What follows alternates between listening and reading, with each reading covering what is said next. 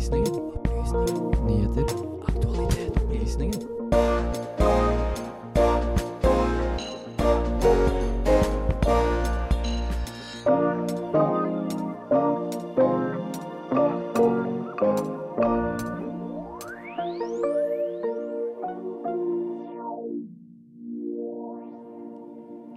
Hva er problematikken rundt vindmøller? Vi har sendt reportere til Nobelinstituttet, som skal rapportere live eh, fra fredsprisannonseringen.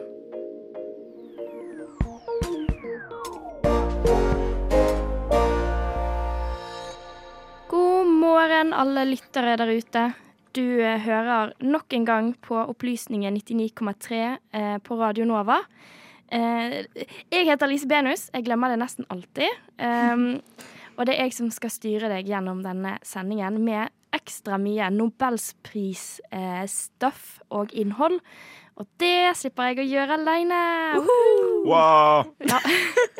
For med meg i studio så har jeg to helt fantastiske personer.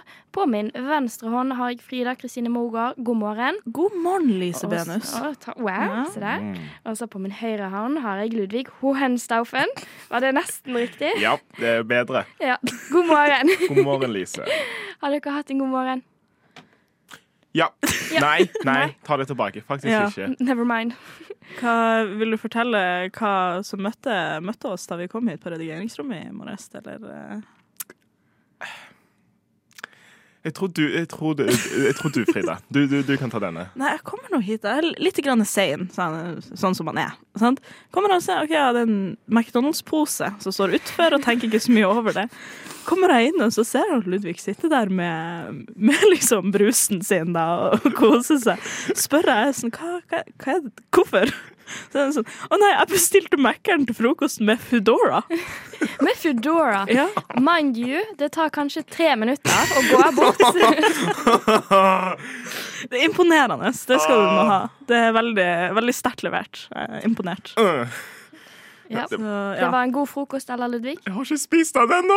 Han står der og blir kald på gangen. Å nei! Å gud. Ja. Hvordan eh, morgen har du hatt da, Frida? Med unntak av eh, å bli fristet av McDonald's. Det var litt grann, eh, regn ute, da. Ja, i morges. det- Det, det- la jeg merke til. Jeg måtte ta en Voi ned hit, for foten min er litt, eh, litt inkapabel for øyeblikket. Ja, sant Og jeg innså jo at det å ta en Voi, det gjorde jo meg mer eksponert for regn enn hvis jeg hadde gått. For jeg hadde jo ikke mulighet til å bruke min kjære paraply. Nei, det er jo litt Så, jeg, så, så det var litt sånn knekk, det. Men, eh, men det er jo fredag, tross alt. Så liksom, det er på en måte et plaster over ethvert sår som faller dagen i dag. Ja. Det er det at i, i morgen trenger jeg ikke å gjøre en dritt. Nei, det, det er noe Ja, det. det er helt sant. Ja. Helt enig. Det er helg, liksom. Ja. Mm. Min eh, morgen, spør dere. Eh, jo, takk. Um, What?! Wow, OK. Nei, eh, jeg har på meg et veldig gammelt par med sko, og det tenkte jeg egentlig ikke noe særlig over før jeg var på vei hit. Eh, og så innså jeg at det var liksom en åpning helt i tuppen. Så jeg har kliss våt sokk. Eh, ja.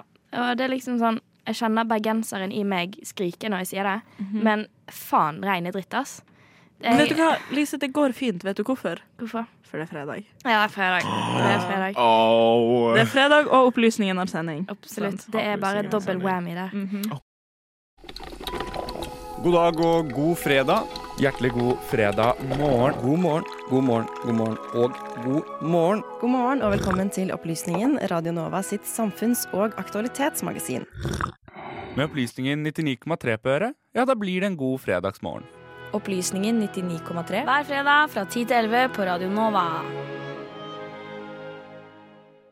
Og her på Opplysningen på Radio Nova så skal vi ha et tema som ligger en av oss litt nær, kanskje. Vindmøller. Hva er deres forhold til det? Frida, begynner med deg. Altså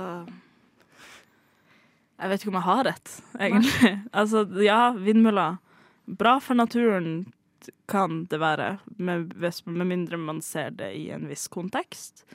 Eh, kan se litt fælt ut, jeg vet ikke. De er mye større enn jeg trodde de var først. Ja, de er Wow. ganske store. Ikke det vi sier, da.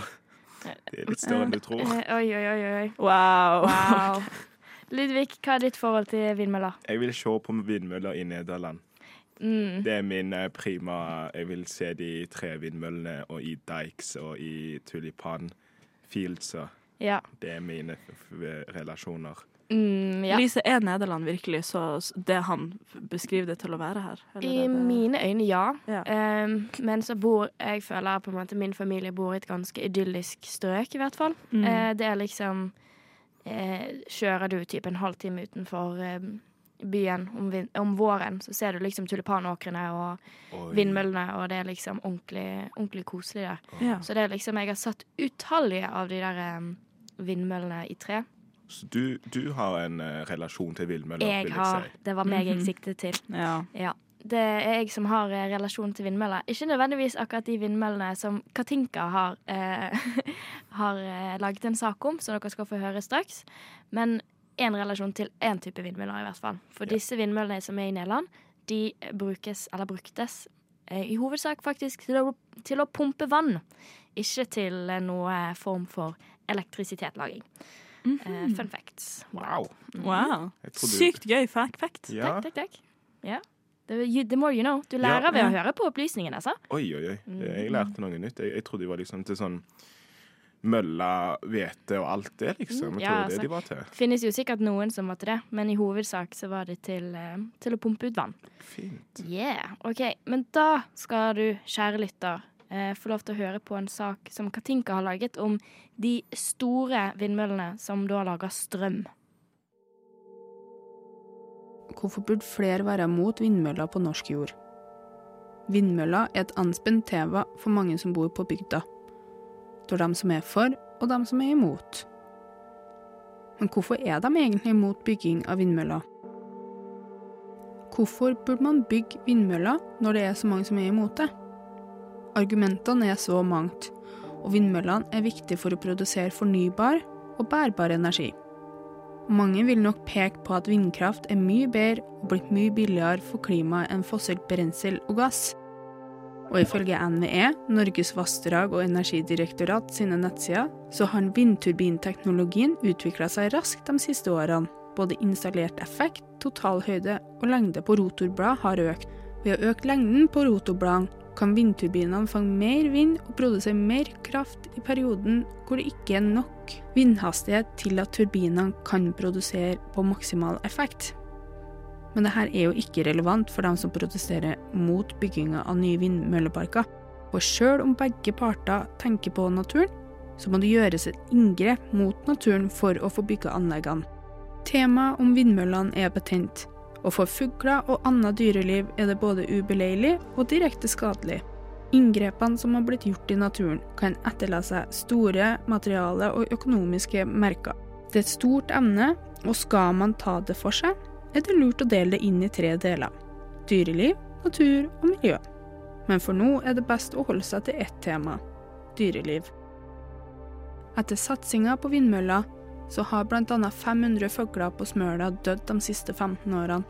Inngrepene som har blitt gjort i naturen for å bygge noen vindturbiner, har vært ødeleggende, og hvor 60% av eierskapet til møllene er eid av utenlandske firmaer. Forslagene kan være så mangt, og vi alle ønsker det samme. Finne en bedre løsning for dyrene. Det har allerede blitt gjort et forsøk på å måle én av vindturbinene på mølla, og antall drepte fugler har vist seg å ha sunket kraftig. Norske forskere har gjort et pilotprosjekt hvor de har malt den ene vindturbinen svart. Som følge av dette raste dødeligheten ned 70% på Smøla i Nordmøre. Den sorte vingen blir forstyrrende for fuglene, og er med på å hindre at de flyr inn i vindmøllene. Det som derimot er viktig å trekke oppmerksomheten imot, er at Naturvernforbundet er opptatt av at naturen forblir robust og intakt. Men hvordan blir det når skadene påvirker dyreliv og natur og naturlandskapet såpass mye som det gjør?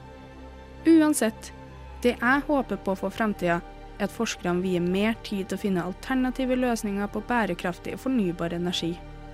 På den måten vil vi få dekka både energibehovet og ivaretatt dyrene. Reporter i denne saken, det var Katinka Hylstad. Og så er også Radio Nova her for å gjøre opptak til sendingene sine. Opplysningen. Vi er der det skjer. Opplysningen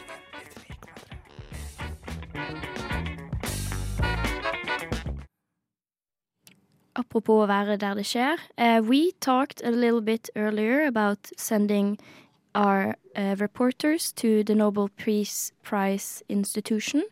And there we also have some international students with us. Uh, Maylis, can you hear me? Yes, I can. Hello. Hello.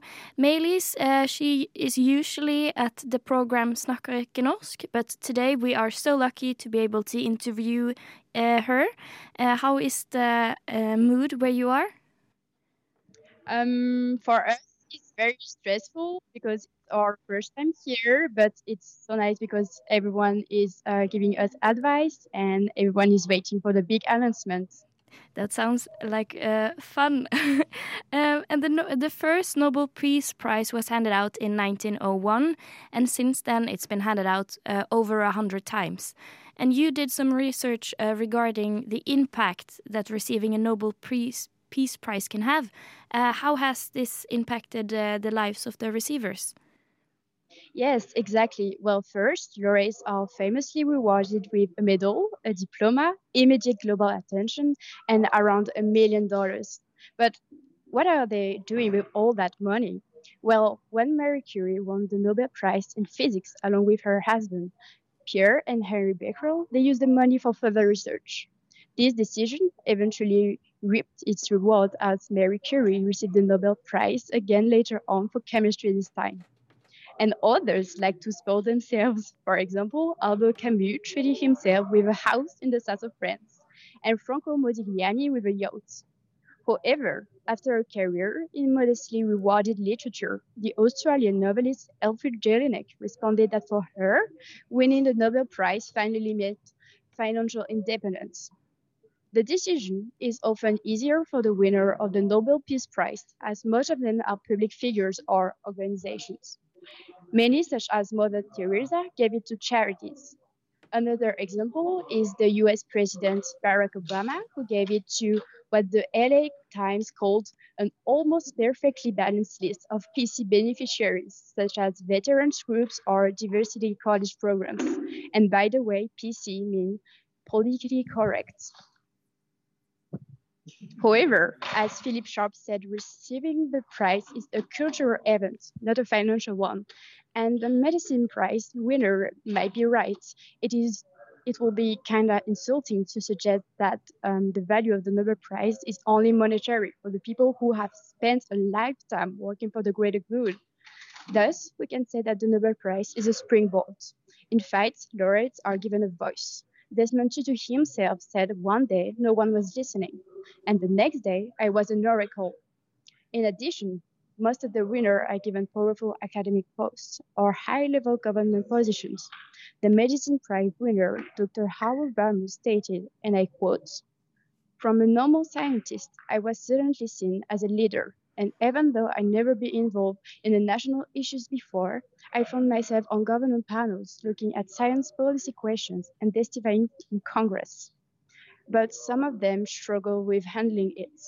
Harry Croto, who won the chemistry prize, said that he is continu- continuously busy giving lectures, while some of them are not even related to science. And that's the thing. The Nobel Prize can change people's attitude toward the winners who are treated as voices of authority on all topics. They tend to be taken too seriously, and they often need to be extremely cautious when they're making comments. So, to conclude, thanks to the Nobel Peace Prize, all eyes are on an individual's pursuit of peace that still needs to be addressed or that really needs to be remembered. Thank you so much, Melis. That was very interesting. Uh, and soon Thank we will ha- hear uh, with your uh, um, friend Amanda. What did I think when Maduro took power? Well, he's a clown. Finne et litt mer, litt mer nyansert språk der. Jeg tror vi bare skal forstå det sånn at dette dreier seg om teknologi. Du hører på Radio Novas samfunns- og aktualitetsmagasin Opplysningen. Hver fredag fra 10 til 11 på Radio Nova.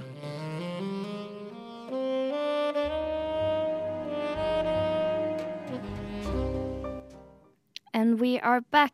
Uh, we are still going to be uh, talking English here at Opplysningen because we're going to talk to Amanda, another international student from Snakker ikke norsk. Can you hear me, Amanda? Yes, I can. Hello. How are you doing? Hi, I'm doing great. We're um, at the um, announcement of the Nobel Peace Prize, and it's very, very exciting. We're all looking um, forward to seeing who will be the winner today. And we just talked to Melis about the, the impact of receiving receiving a Nobel Peace Prize. Uh, but I wanted to talk to you, Amanda, about uh, the process of receiving a nomination. Is the method of selecting the Nobel Peace Prize nominees actually objective? Yeah, um, yeah, just like Melis just mentioned, like winning the Nobel Peace Prize can indeed change the winner's life and shine a light on uh, efforts of peace. But like you said, how can this um, nomination process be objective? Because in the recent years, the Nobel Peace Prize has come under scrutiny for certain, I guess you can say, controversial nominations, which reveals a supposedly political nature of the awards. The selection process goes as the following. It's ultimately conducted by five members of the committee uh, that are selected by the Norwegian government. Initially, the nominations are received from qualified nomination and uh, nomination as they're called, such as members of governments, international courts, academics, and previous winners. And the nature of this process with limited numbers of recipients, only up to three, contribute to a potential subjective nature of these awards. And if we look um, back at some of these controversial um, nomination, nominations, um, in 2009, Barack Obama, then newly elected president of the US, received the Nobel Peace Prize. However, um, leaked documents, uh, classified documents, showed that he was nominated after just 12 days in office which sparked both a debate and criticism. Was it based on his previous work or his good intentions?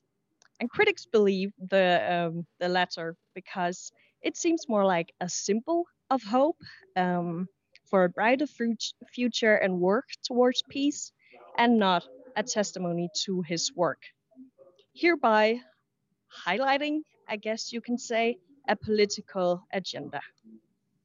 And Obama even mentioned in an interview with The Independent and in 2016 that he was unsure why he received the award in the first place, which again aligns with the criticism that the committee received in 2009, doubting the reasoning of this um, selection of Barack Obama. So, as critics point out, the award was not used to honor peacemaking processes, but a symbol of hope. And this is indeed where the notion of subjectivity comes into play. Because how can one be unbiased and simultaneously use the award as a part in a larger political debate about hope? Um, Critics point out. Sorry. Yeah, sorry. no, I was just uh, about to ask uh, you Yep. mentioned the, the critique. Um, and what is the critique regarding the selection of the uh, Nobel Prize nominees? Yeah, um, because there has been a tendency, or critics have pointed out that there has been a tendency um, that geopolitical um, and political underlying agendas have contributed to the selection and nomination of these Nobel um, Peace Prize winners, because um, there will always be an underlying ideology from a specific party. And how do you stay objective when ideology and political decision making go hand in hand, I guess you can say. Um, so that has been the main criticism. Like, what is the foundations of these nominations? Is it actually uh, like only an honor, or are there bigger agendas um, coming into, I guess, play in this decision making? But I find it very important to also mention that this alleged bias hasn't been involved in all nomination processes throughout uh, the history of the nominations. Many, many winners um, and nominees um, have been nominated because of their work towards peace and not only their intentions to do so. Amongst these are, for example, Martin Luther King, Malala, and of course, the first uh, ever winner, Henry Duterte. And organizations such as the International Committee of the Red Cross, United Nations, and the organizations for the prohib- prohibition sorry, of chemical weapons are just a few worth mentioning. It is, um, or I uh, find it very important to um, tell both sides of the story because a discussion on the notion of subjectivity and decision making should be enlightened from both sides. And to conclude this um, discussion on the notion of subjectivity, um, it is, of course, very, very important to um, mention, like Meili said, that the Nobel Peace Prize is an essential part of international activism and peacemaking efforts. And it's, it's a very um, effective way of spotlighting neglected issues. However, the question still arises should the process be viewed as a product of politics rather than an impartial honor? The history of the award, of course, uh, points in both directions. However, the question still remains from the critics do political agendas, agendas supersede objective honoring processes and thereby um, not honoring um, the Nobel's um, primary foundation of the nomination process. Yes. Yeah. Sorry. uh, that's a very interesting thought, Amanda. Thank you so much for being on our show, and I recommend Oh, for and I recommend for all of our listeners to go and listen to Snakker norsk, where you can find these lovely ladies. Um, if you want to listen to Thank them talk more. Opplysningen på Radio Nova. Hei. Da er vi med meg igjen, og nå skal vi til noe fryktelig spennende. Eh, vår eh, reporter Runa Årskog er med Nobelinstituttet i dag. Og hun har innsikt eh, over hvordan Nobelkomiteen tildeler prisen. Så da, Rune Når Hallo. vi har hørt litt om hva fredprisen er, så kan du fortelle oss litt om hva kriteriene er som er oppfylles for å vinne. Det kan jeg, vet du. Det er faktisk bare tre kriterier. Det ene er reduksjon av militære styrker. Så er det eh, arrangering av fredskonferanser og kongresser. Og det siste er noe som heter nasjonens forbrødring, som er et utrolig rart begrep. Og det er utrolig vidt. Sånn at eh, Nobelkommisjonen har jo hatt muligheten til å tolke den siste delen akkurat sånn som de vil, med tanke på at det betyr å skape samhold eller fred. Det betyr også at man kommer nærmere hverandre. Og i visse uttrykk i enkelte land så kan det bety at eh, det betyr at man går på puben og forbrødrer seg med hverandre, altså kommer nærmere hverandre. Så det er utrolig vidt begrep. Ja, for det er jo med den eh, nasjonens forbrødring. Og det gir jo Nobelkomiteen vår rom til å gi den en svært forskjellige mennesker og organisasjoner. Så hva er det den røde tråden så ofte er årsaken til at de vinner? Nei, altså de aller fleste har jo vunnet fordi de har jobbet med å kjempe, bekjempe krig eller bygge fred, diplomati og selvfølgelig nedrustning av våpen. Det er jo den generelle tendensen. Eh, Men så har vi jo en del andre som har vunnet for andre ting, bl.a. Kailash Satyarthi og Malala Yousafzai, som har vunnet fordi de har kjempet for barn og unges rett til utdanning. Og så har vi Dennis Mukwege og Nadia Murad, som har kjempet for, eller mot seksuell vold eh, som bruk av våpen i krig, eh, som går litt mer på dette med kvinnerettigheter osv. Og så har du World, World Food Program, som eh, skal sikre mat til konfliktområder, eh, og som har gjort disse områdene i konfliktområder mye bedre å være i. Så det har jo vært en rekke andre grunner til at folk har vunnet. Eh, vi har jo mange eksempler. Kjemping, utkjemping av likestilling, eh, ytringsfrihet, utdanning, til og med økonomisk vekst har eh, vært bakgrunnen for at noen har vunnet. Og det er jo fordi at man trenger jo bare å bestå én av de tre kriteriene for å vinne Nobelprisen. OK. Så i det siste, da, så er det noen tendenser du ser på de som vinner? Ja, altså helt klart er det jo virkelig noen store tendenser. Som f.eks. så har vinnerne ofte vært fra vestlige land. Det er eh, 27 priser som har gått til USA. Det er de som har fått flest. Og under der så kommer Storbritannia og Sveits med 14 priser. Eh, og den generelle tendensen går på det. Det er vestlige land som vinner. Vi må faktisk helt fram til 1960, da Albert Lutuli fra Sør-Afrika vant for sin eh, ikke-voldelige kamp mot apartheid, før det var et ikke-vestlig land som vant. Eh, og det er jo det går jo litt opp og ned etter hvert etter det. Utover 90-tallet så begynner det å jevne seg litt mer ut, og de siste 10-20 årene så har det blitt litt bedre. Eh, men i tillegg til dette så er det jo også stor overvekt av menn. Det er kun 18 kvinner som har vunnet, mot 92 menn, og hele 27 organisasjoner som har vunnet. Så vi ser jo det at eh, det er større sannsynlighet for å vinne dersom du er fra Vesten, eh, er mann eller jobber for en organisasjon, enn om du kommer fra andre ikke-vestlige land og er kvinne. Ja, OK. Det er jo sånn så at ting er i ferd med å endre seg litt og litt. Men i år, da, så er jo fortsatt mange av favorittene i året som er er jo veldig vestlige og vennlige personer og organisasjoner. Har du noe inntrykk om det? Ja, det stemmer. Eh, de tre store favorittene som ble trukket fram bare i går, var jo bl.a. Eh, Zelenskyj, eh, statsministeren til Ukraina. Jens Stoltenberg, som er leder for Nato, og FN, og da også Antonio Guterres alene. Men også FN som organisasjon. Eh, så jeg vil nok tørre å påstå at prisen fortsatt bærer veldig stort preg av vestlig politisk interesse, slik som eh, Amanda snakket litt om tidligere, og vestlige verdier. Eh, så det kan jo være interessant å diskutere hvorfor det er sånn. Om det kanskje burde vært på en annen måte. Om vi kanskje skal tenke litt nyere når det kommer til fredsprisen, og hvordan den skal deles ut, og hvem den skal deles ut til. Ja. Vel, eh, tusen takk, eh, Runa Årskog, eh, vår reporter ved Nobelinstituttet. Og så nå må jeg bare ønske lykke til, til videre til de, våre utegående reportere der borte. Tusen takk. Før vi får høre fra neste utegående reporter, Aleksander.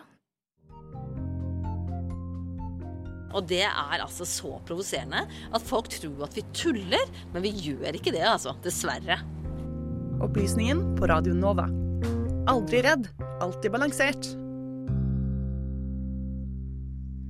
Med Runa, eh, Meilise og Amanda nede på Nobelinstituttet, så har vi også selveste Alexander fra Opplysningen.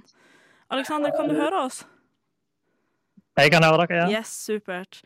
Eh, vi skal prate bitte litt om eh, favoritter her til utdelinga. Nå er det bare knappe 20 minutter til eh, vinneren blir annonsert her. Men eh, hvem vil du si er noen av favorittene til å vinne årets fredspris? Ja, det er ganske mange favoritter faktisk eh, til årets pris. Eh, et av de temaene som man tror kan, at prisen kan lande på, er Afghanistan og Iran, som har vært veldig mye i mediebildet de siste par årene. Spesielt pga. kvinners rettigheter, som har hatt sterk eh, tilbakegang i Afghanistan. Og Iran har jo sett et folkeopprør det siste året.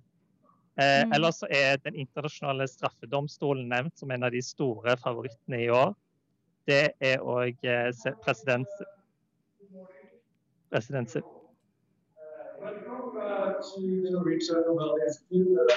Oi.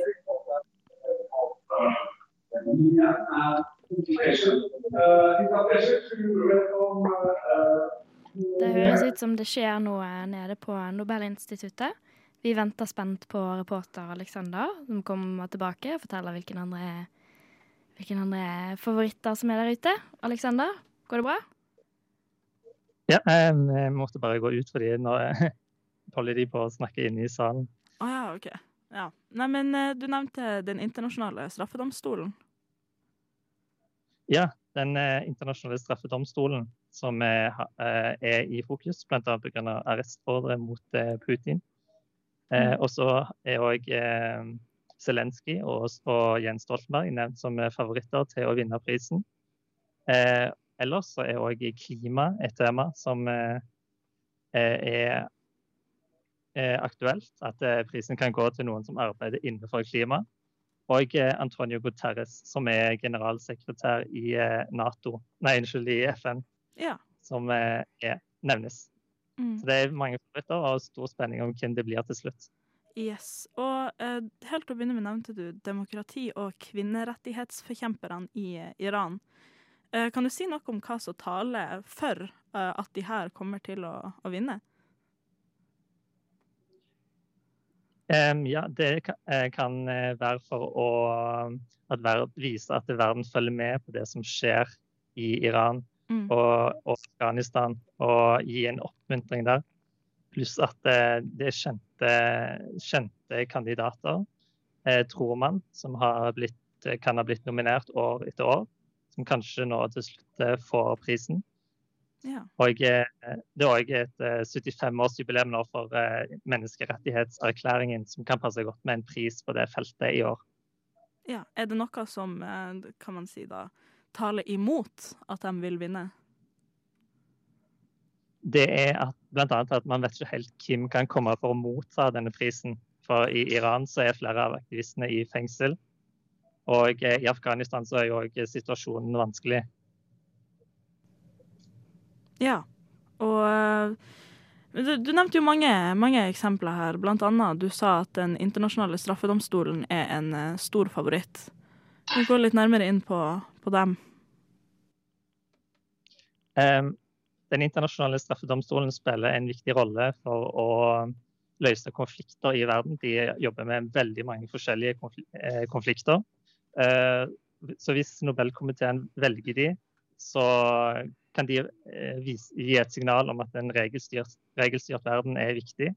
Og en, en, en viktig komponent for å sikre freden i verden.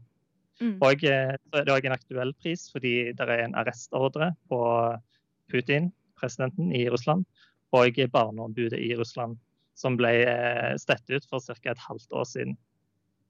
Ja. Og den ble da sendt ut av det internasjonale, eller ICC, som det også kalles. Ja, riktig. Yes, ikke sant. Og det var jo mange, mange enkeltnavn også, blant annet Jens Stoltenberg. Uh, Jens Stoltenberg, er det da gjennom Nato at han, uh, at han er en uh, kandidat her? Ja, det ville da være i kraft av sin rolle som generalsekretær for Nato. Og den eh, rollen han har spilt der, eh, bl.a. Eh, kanskje i forbindelse med utvidelsen av Nato, og sørge for at eh, Nato ikke kommer i en direkte konflikt med Russland, men eh, der, og dermed sørge for at eh, freden da, i Europa utenom Ukraina og Russland bevares. Mm. Yes, ikke sant. Og klima nevnte du. Der er det jo kanskje ett navn som er eh, nesten en litt sånn sjølfølge å ta opp når man snakker om, eh, om klimaaktivist. Det er vel Greta Thunberg. Det er Greta Thunberg som nevnes, men det er faktisk òg et annet navn. Eh, En betraktelig eldre person som heter David Attenborough, som nevnes som en mulig kandidat til prisen. Å ja. Men jeg, ja. Men eh, Greta Thunberg òg er med i spekulasjonene her. Mm. Og det virker det sannsynlig at, eh, at en klimaaktivist eller eh, så, som Greta eller eh, David da vil, vil nå toppen, tror du? Det, jeg tror det er en god sjanse for det, men det er òg en del som taler imot det. Bl.a. at eh, fredsprisen har gått til klimaaktivister tidligere. Mm. Bl.a. i 2007, så ikke så veldig lenge siden. Så spørsmålet er om det er kanskje for tidlig om å gi prisen på det feltet igjen. Om, man, eh, om det er andre områder som er mer eh, eh, presserende da, å gi eh, prisen på nå, kan man si. Ja. Og nå er det faktisk bare knappe kvarteret til eh, eh, vinneren blir annonsert. Så hvis du, Alexander, kan du, du, du som er nede i eh, the belly of the beast, kan man si. Hvis du kan ta på deg spåhatten, da, hvis man eh, sier det. Hvem tror du vil blir å vinne? Jeg tror at eh, prisen går enten til den internasjonale straffedomstolen eller til aktivister fra Afghanistan og Iran. Det er liksom den følelsen jeg har da, at det, der svirrer ryktene mest, og der eh, går prisen i år.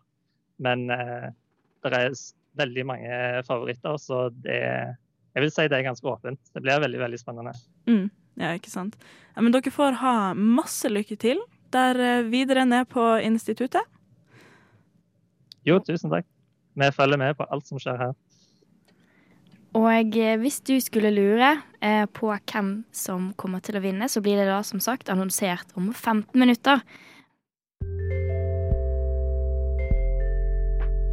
Teknologi og digitalisering gjør at det vi ikke fikk til for noen år siden, det er mulig nå. At det å stadig vekk skulle balansere mellom frihet og ufrihet Det er ikke noe særlig lurt å stole på viljestyrken, f.eks. Kirkas demokratisystem. Opplysningen hver fredag fra klokken 10 til 11.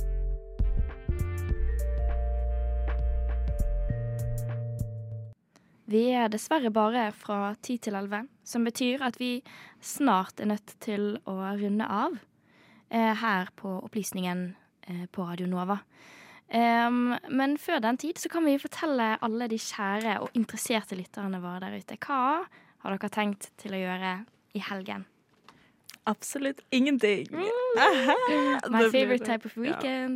Det det, det er liksom en sånn motreaksjon til uka, egentlig, denne gangen. Sånn vanligvis hvis jeg har lite planer i uka, så har jeg nødt til å gjøre noe i helga. Men nå har jeg liksom gleda meg til helga, fordi at jeg trenger ikke å gjøre noe. Sånn. Jeg har et sett med Lego hjemme. Jeg har et par episoder av noen TV-serier å se. Og jeg har en Foodora-app som skal misbrukes. Og jeg er så fornøyd, og det er fotballkamp på søndag, så jeg koser meg. Du er ti av ti, altså. Ja. Absolutt. Oh, God. Du da, Ludvig? Uh, jeg skal faktisk være produktiv i helga. Jeg skal sitte og lage neste ukes rapportasje. Oi. Eller til neste uke. Ja, har du lyst til å gi en liten teaser på det? Det blir en intervju. Oh. Det blir en intervju, Mhm. og så kommer det en preview, forhåpentligvis på Instagram, over hva det handler om. Mm, så det er bare til å følge oss på Instagram. Du blir jo å gi meg et kompleks her når jeg nettopp er sånn Jeg skal ikke gjøre en dritt i helga, jeg skal bare chille. Og du er sånn Ja, jeg skal komme tidlig ut til neste uke, liksom. Bare Ja. Du da, Lise? Har oh, du noen ja. planer? Se, wow, dere lærer. Og du spør meg òg. Nei da, jeg skal jobbe. Jeg skal ha en sånn helg. Eh, Jobbe, jobbe, jobbe lørdag og søndag, eh, som blir interessant. Men eh, altså, det er veldig interessant, for jeg har to veldig forskjellige jobber. Og i den ene jobben så er det nå lavsesong, og i den andre jobben så begynner høysesongen å komme nå. Eh, Så det er liksom, den ene jobben er supertravel, og den andre jobben er ikke travel i det hele tatt. Så det er sånn Men heldigvis er den ikke travle på søndag. Åh. Ja. Så det, blir litt sånn yin-yang-helg for deg, Ja, egentlig. Ja. med mulla, mulla, mulla, mulla. Ja, Yes, exactly. Eh, helgetillegg, Helg- søndagstillegg. Det sånn Oh, money, yes. money, money. Bank, eh, banken min eh, klager ikke akkurat. Jeg har faktisk en stor kjærlighet for å jobbe på søndager. Sånn, det er Hver gang når jeg blir tilbudt å jobbe på søndager, så har jeg det imot med åpne armer. Jeg er sånn Selvfølgelig kan jeg ta i vakt, liksom. Selvfølgelig skal du spørre meg. Of course! Dobbelt opp betalt, jeg tar det, liksom. Det, Det er en søndag, vi skal ikke gjøre en drit. Det er den ja. ene dagen i uka du bare sånn OK, nå er det god samvittighet til å bare ligge på sofaen, for ingen skal, Ja. ingenting skal bli gjort.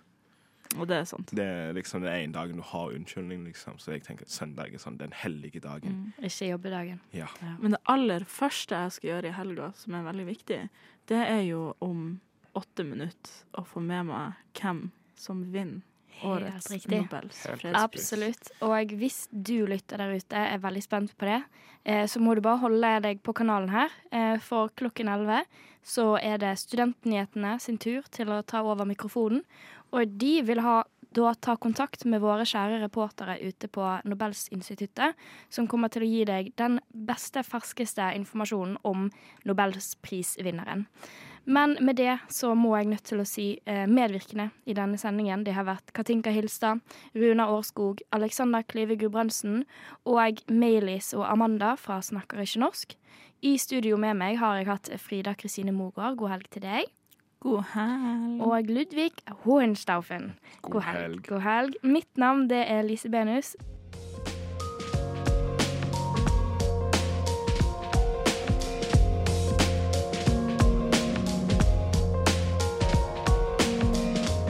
Du har hørt på en podkast fra Radio Nova. Finn flere podkaster på din foretrukne podkastavspiller eller radionova.no.